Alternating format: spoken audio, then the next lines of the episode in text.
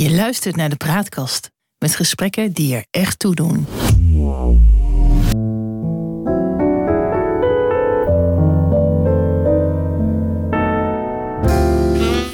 Bij de Praatkast.nl. Dit is een aflevering van het Geheugenpaleis. Mijn naam is Jon Knieriem en samen met Han van der Horst maken we deze podcast. De geschiedenis, die herhaalt zich nooit, maar rijmen, dat doet hij vaak wel. En in het Geheugenpaleis gebruiken we dat gegeven om dieper in te gaan op de actualiteit. Zo gaan we aan de waan van de dag voorbij en bereiken we de kern van het nieuws. We scheppen orde in de maalstroom van berichten die het zicht op de grote lijn belemmeren. En tussen beiden blijkt dat werkelijkheid vaak genoeg elke fantasie te boven gaat. Excuses voor het slavernijverleden. Daar gaan we het vandaag over hebben. Uh, die excuses gaan er eindelijk komen in Nederland. Maar ik vroeg mij af, uh, Han, wanneer denk je dat Arabische landen excuses gaan maken voor hun slavernijverleden? Pas uh, als er druk op die Arabische landen zal worden uitgeoefend om dat te doen. En dat is tot nog toe niet gebeurd. Dat is tot nog toe het voorrecht gebleven van de Amerikaanse en de Europese landen die uh, aan uh, slavenhandel hebben gedaan. De Arabieren waren eigenlijk net zo belangrijk. Uh, in Oost-Afrika hebben ze tot het einde van de 19e eeuw een grote rol gespeeld in de slavenhandel. En er is ook altijd door de Sahara veel met karavanen veel slaven aangevoerd naar Noord-Afrikaanse landen. En in Egypte op de slavenmarkt waren de Ethiopische slavinnen heel erg bekend, beroemd en geliefd. Datzelfde geldt voor de slavenmarkt op, uh, van Mekka. Daar heeft de grote Nederlandse Arabist en islamkenner uh, Snoek Gronje ook een slavin gekocht van 18 jaar die hem enorm heeft geholpen met haar informatie over de vrouwenwereld. Want daar kon die slavin wel in, maar hij niet. Ja, precies. Ik, ik stel die vraag natuurlijk om, omdat er een beetje het idee heerst dat uh, alleen de witte mensen zich te buiten zijn gegaan aan slavernij. Maar dat klopt toch niet helemaal, geloof ik? Nee, dat helemaal niet. De slavernij was bijvoorbeeld in heel Afrika een, een traditioneel stelsel. Uh, wat daar van oud bestond. En de Europese ontdekkingsreizigers die voor het eerst op de Afrikaanse kusten aankwamen, let op hoe ik dat formuleer, ja. die hebben daarop ingehaakt en gebruik gemaakt van de, van de mogelijkheden om mensen te kopen. Ja, dat is natuurlijk niet goed. Maar eigenlijk is het een, een uitvinding. Uh, elk volk heeft de slavernij zelf uitgevonden. Zou je dat zo kunnen zeggen? Elk ras? Dat kan je zo wel zeggen op allerlei verschillende manieren. Ja. Uh, in Afrikaanse landen had je bijvoorbeeld ook allerlei soorten slaven. Uh, in bepaalde Ghanese volken die hadden speciale slaven die bedoeld waren om aan de goden geofferd te worden, bijvoorbeeld. Ja. Ja. Hey, um, een onderzoek heeft uitgewezen vorig jaar uh, dat uh, uh, 55% van de Nederlanders niet wil dat er excuses aangeboden wordt. Waar, zou dat nou vandaan komen? Want ja, we hebben daar toch niet helemaal een schoon blazoen wat de slavernij betreft. Nee, absoluut niet. En bovendien gebeurt het omdat het door uh, de nazaten van de slaven uh, nogal nadrukkelijk wordt geëist. En mm. wij zijn uh, in Europa bereid om naar die eisen te luisteren, omdat de denkbeelden in Europa zelf over de slavernij zijn veranderd. He, tot zeg pakweg 1780 vonden de meeste mensen slavernij iets wat eigenlijk er niet zou moeten zijn, maar toch onvermijdelijk was. En dat is de redenering die daarover bestond in de klassieke Griekse en, en Romeinse oudheid. Ja. De filosoof Aristoteles, die eh, stelde bijvoorbeeld vast dat mensen die zich tot slaaf lieten maken en daarna gehoorzaamden, waarschijnlijk als slaaf beter af waren, omdat ze meer tot hun recht kwamen als iemand anders de beslissingen voor hen nam. En slaaf werd je traditioneel als je een oorlog verloren had. In dat geval ehm, maakten de overwinnende soldaten de weerbare mannen van een stadje of van een streek af. De bejaarden ook, want die waren niks waard. En de vrouwen, de kinderen en de adolescenten... die kwamen op de slavenmarkt terecht. Dat is bijvoorbeeld met de beroemde stad Carthago gebeurd. Die werd door de Romeinen helemaal totaal verwoest. Daarna haalden ze de ploeg door het stadsgebied... en ze zaaiden zout om ervoor te zorgen... dat het zelfs nooit akkers zouden kunnen worden. En de hele bevolking die werd door het hele Rijk heen verkocht. Als slaaf? Als slaaf. Eh, het idee was ook dat je beter als slaaf kon worden verkocht dan afgemaakt. En daarom. Dat was een uh, soort gunst. Uh, ja. Hugo de Groot, ja. onze grote jurist, vond dat bijvoorbeeld een, een reden waarom slavernij, hoewel niet natuurlijk, toch acceptabel was. Want je kan beter in leven gelaten worden dan vermoord. En. Mm. John Locke, dat is een hele beroemde Engelse schrijver... die trouwens heel lang in Nederland in ballingschap heeft geleefd. Mhm. Eh, John Locke, de schepper van de constitutionele bestuursvorm... de grote ideoloog van de constitutionele bestuursvorm... zoals we die in Europa hebben... vond om die reden euro, uh, slavernij ook acceptabel. Hij had trouwens aandelen in slavenplantages. Ja, ja. We zijn daar in de loop van de tijd anders naar gaan kijken. Maar er speelt in mijn idee ook op de achtergrond mee, met name bij de mensen die de excuses eisen, het huidige racisme. Zou je kunnen zeggen dat racisme en slavernij ook wel wat met elkaar te maken hebben? Ja, in principe niet, maar in de praktijk wel. Ja. Uh, dat moet ik eventjes uitleggen. De Romeinen en de Arabieren en de Turken en de Persen... die hebben nooit slavernij in verband gebracht met een specifiek ras. Als je geen moslim was, dan kon je in principe op de slavenmarkt terechtkomen. En dat gebeurde ook. Hè. Er waren in het Ottomaans Rijk heel veel slaven die geroofd waren uit mm. Polen, Hongarije en uit de Oekraïne. Naast heel veel Afrikanen. Die Afrikanen waren altijd wel goedkoper dan de blanken. Dus dan kan je zeggen dat is iets van. Uh, racisme. Van racisme. Maar in Europa is om allerlei redenen die ik nu niet naar voren breng, de klassieke slavernij uitgestorven in de middeleeuwen. En weer ingevoerd door ontdekkingsreizigers en koloniestichters, omdat ze in Afrika slaven konden krijgen en omdat die heel bruikbaar waren om grote plantages aan te leggen. Uh, en die hebben toen teruggegrepen op de oude Romeinse rechtsregels. Een slaaf is een roerend goed. En het volledig eigendom van de meester.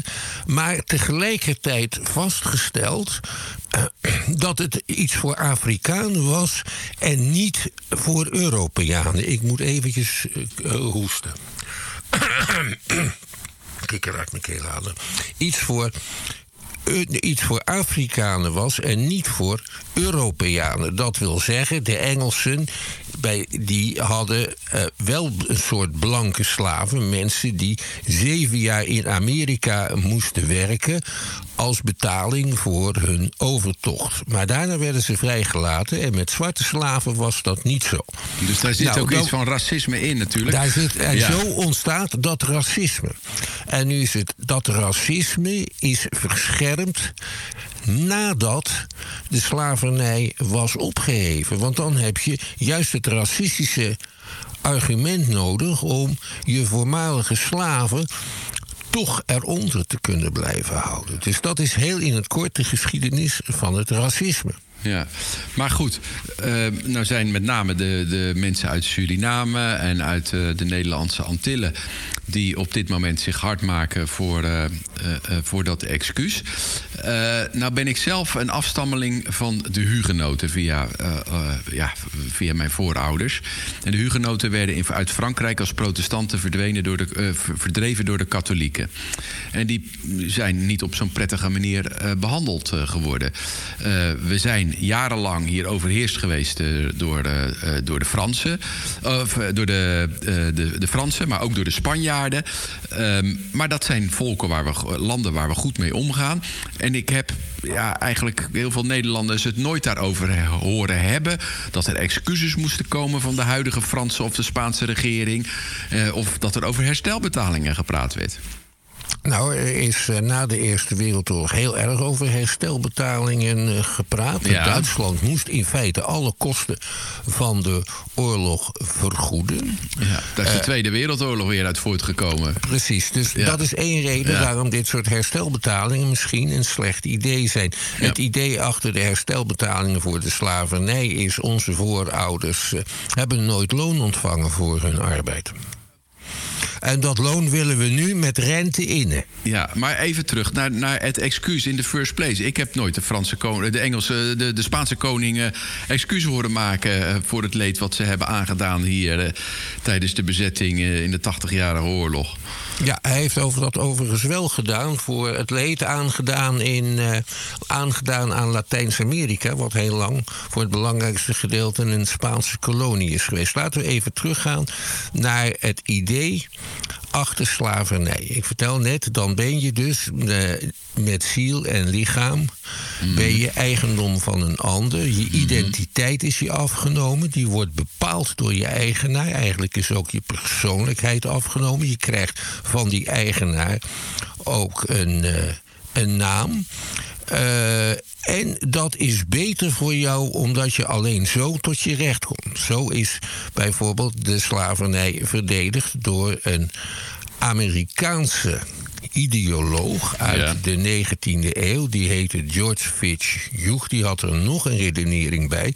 Hij was een grote tegenstander van het kapitalisme en de uitbuiting van de bezitlozen door de bezitters. Dat kwam, zei hij, deze Fitzhugh, omdat arbeid en beloning rechtstreeks met elkaar samenhingen. En wat, ik hoop nu dat er weinig VVD'ers luisteren.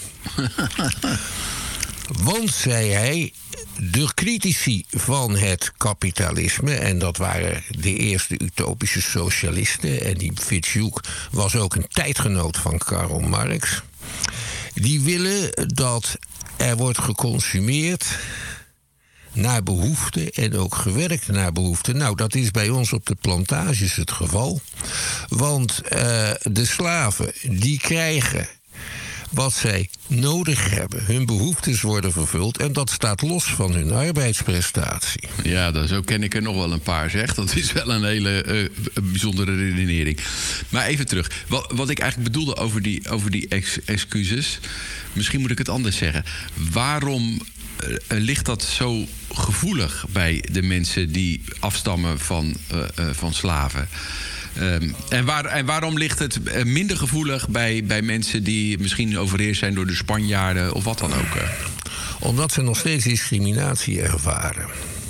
Ja. En omdat het wel wat anders mm. is als uh, jouw voorouders ooit zijn gedwongen te werken tot ze er dood bij neervielen, ja. zonder dat ze daar een loon voor kregen. Ja. Um, dus, dus daarom ligt dat heel gevoelig. En het is, het is dat dat zo gevoelig ligt, is overigens een zaak van uh, de laatste decennia.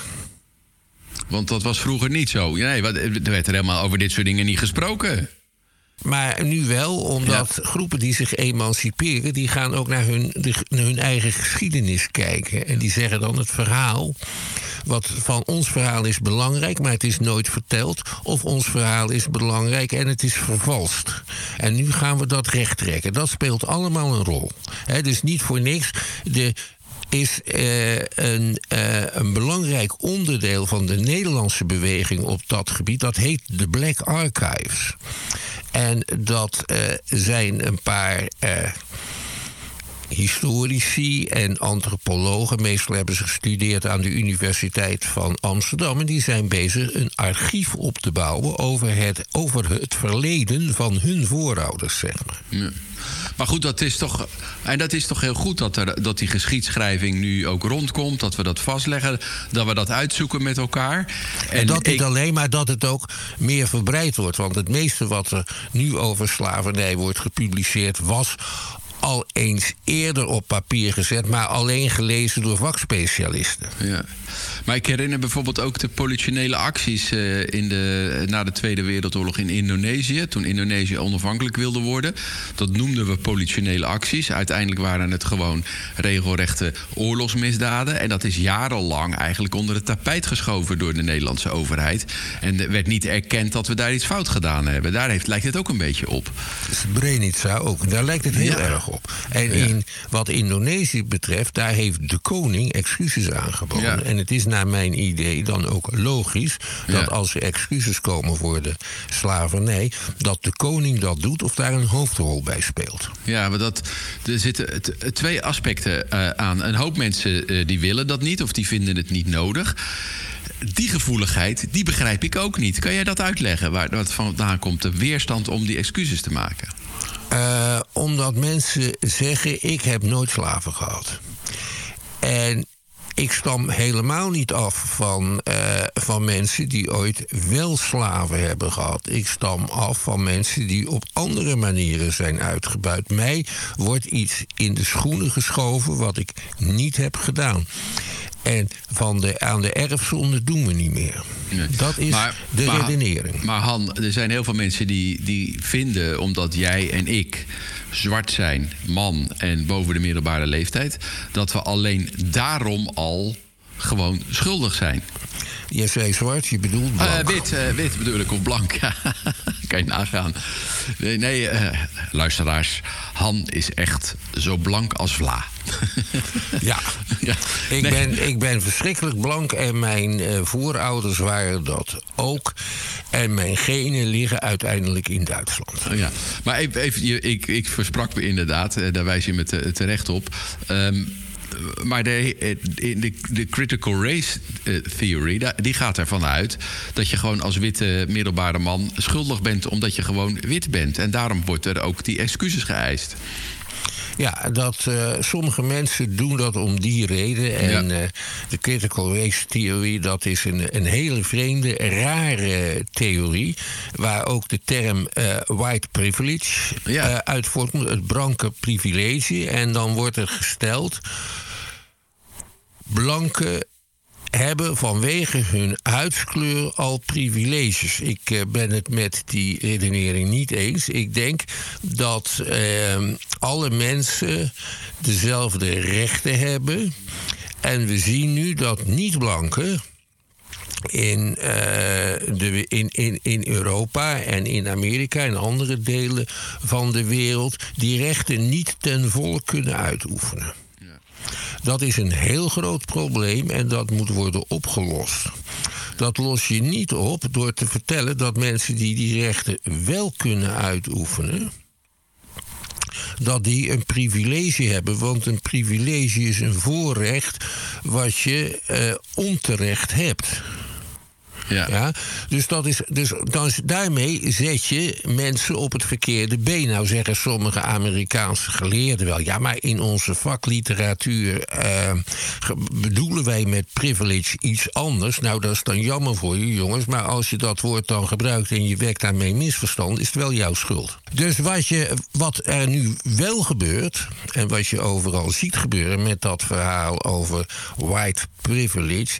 is dat inderdaad een heleboel blanken dat aannemen en zeggen dat laten wij ons niet afnemen.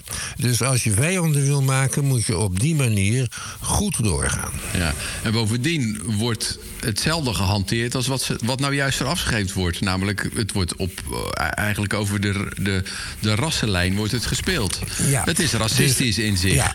En ik ben een ouderwets uh, revolutionair van vroeger, dus ik geloof in klassenstrijd. Ja, ja. En ik stel bovendien vast, wij hebben ook ideologieën in Europa gehad die zich baseerden op, uh, op rassenstrijd. En daar hebben we slechte ervaringen mee. En die ervaringen uh, heeft men in de Verenigde Staten alleen maar op afstand. Ja. Maar goed. En zo de... zien ze de parallellen niet. Ja, maar ik begrijp toch niet, hè, als je dan even kijkt uh, van, vanaf het, uh, het perspectief van degene die excuus zouden moeten maken. Het is toch niet zo moeilijk om te vertellen dat wij als maatschappij in het verleden een, of een, geschiedenis hebben waar we nou met z'n allen eigenlijk niet zo trots op zijn. Dat is ook niet zo moeilijk en dat zou ook gewoon moeten gebeuren. En het had ook al lang moeten gebeuren. Je ziet ook dat bijvoorbeeld de burgemeesters van Den Haag, Rotterdam en, uh, en Utrecht excuses hebben aangeboden ja. om wat hun ambtsvoorgangers destijds hebben gedaan. Ja, ja, Dus, zij zijn, dus die steden zijn de rechtsopvolgers van het, uh, ja, van het 17e eeuwse Amsterdam, Utrecht, Den Haag enzovoort. Mm. Ja. En als zodanig bieden ze excuses aan. Ja. ja dus uh, niet uh, het, is, het, zeg maar, het is, zijn geen persoonlijke excuses van wij zijn heel. Wij zijn, onze voorouders zijn zo slecht geweest, want dat kun je zo niet zeggen. Het is ook heel moeilijk om, uh, om vast te stellen wie nou nakomeling is van, uh, van slaveneigenaren enzovoorts.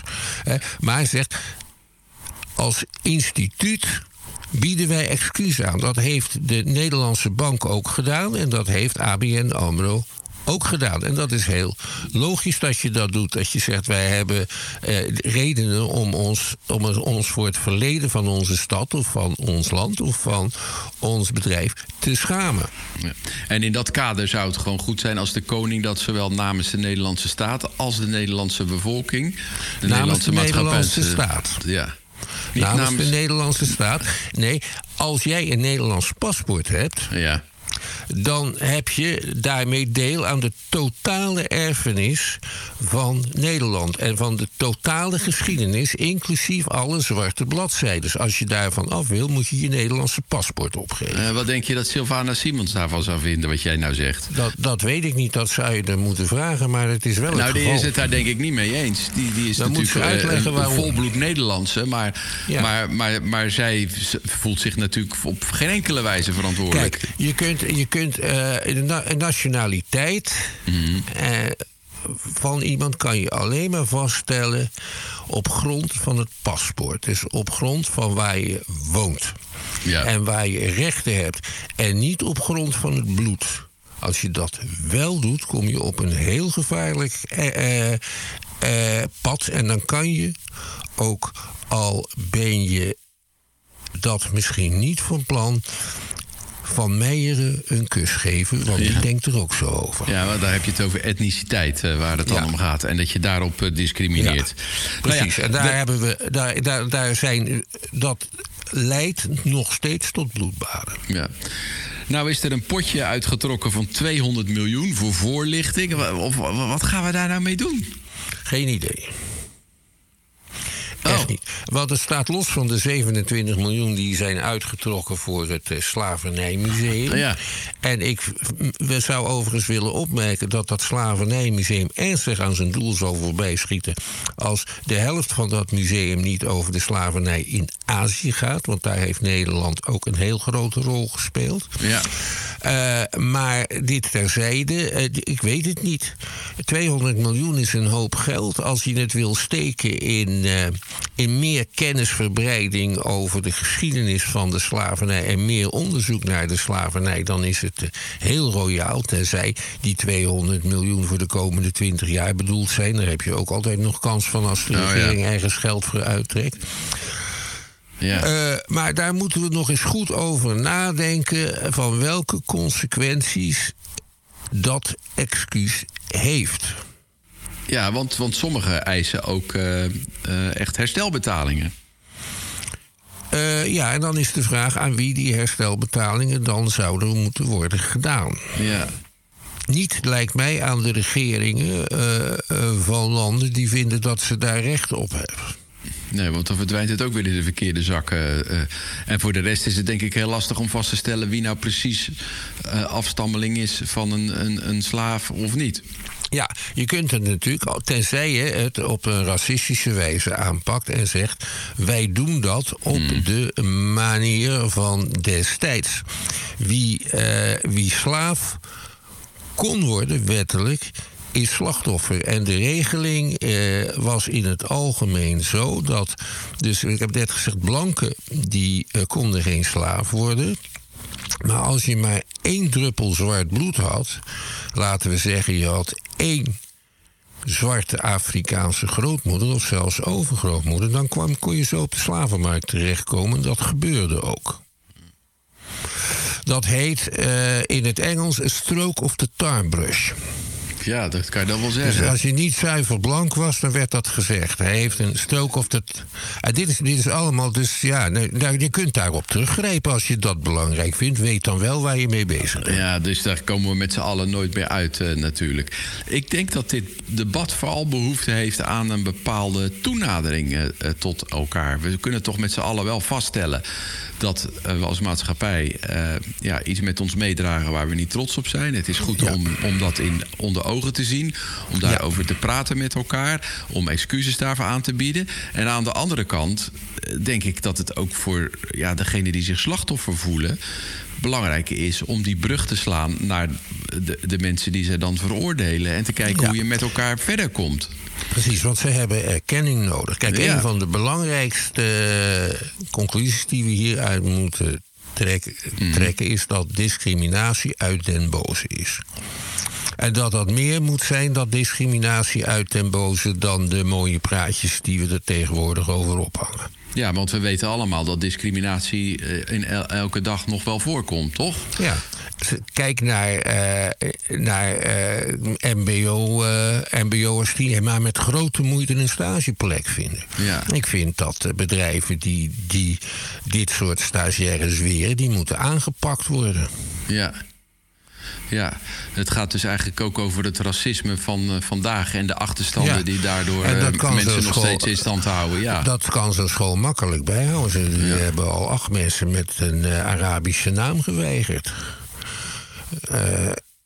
En nu, uh, ja, nu word je van overheidswegen gesloten, bij wijze van spreken. Ja, ja, dat zijn natuurlijk vreselijke dingen. Dat, dat je iemand beoordeelt op zijn afkomst en niet op zijn, uh, op zijn karaktereigenschappen of op zijn vermogens. Uh, ja, en wij zitten ja. nu ook mooie praatjes te houden, want we kunnen het makkelijk doen. We hebben ook geen personeel. De, dus ik kan mij voorstellen dat mensen die gediscrimineerd worden en dit horen, zeggen van ja hoor, jongens, jullie hebben het weer mooi verteld. Ja, en dat is ook zo.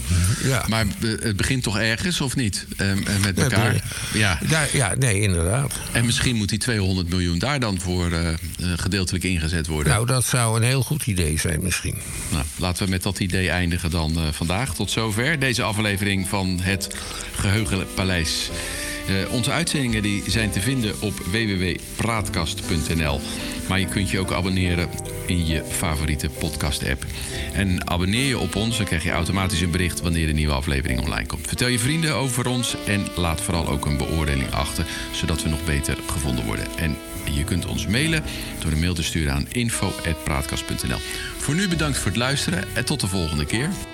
Wees gelukkig, blijf gezond en laat je niet onderdrukken.